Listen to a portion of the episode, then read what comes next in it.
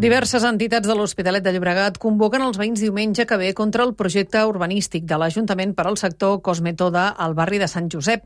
David Àngela, la plataforma Stop Massificació a l'Hospitalet demana l'aturada immediata de les obres de construcció del complex residencial de Can Batllori. Hola Marta, bon dia. Hi veuen interessos especulatius i per això fan aquesta convocatòria diumenge a les 12 del migdia al carrer Enric Prat de la Riba.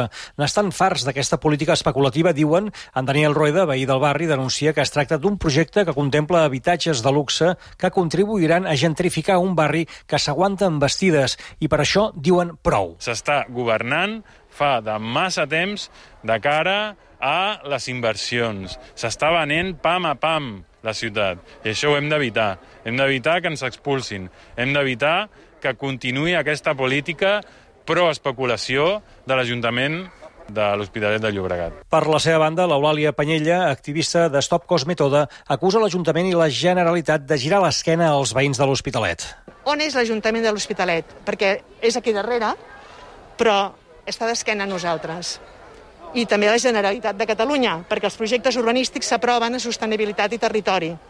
I ens preguntem si la Generalitat sap que existim, també. L'Ajuntament sembla, hauria de saber, però no, no se n'adona, o no sé, no sé on és, a la Diputació, probablement, eh? a la Rambla Catalunya en diagonal.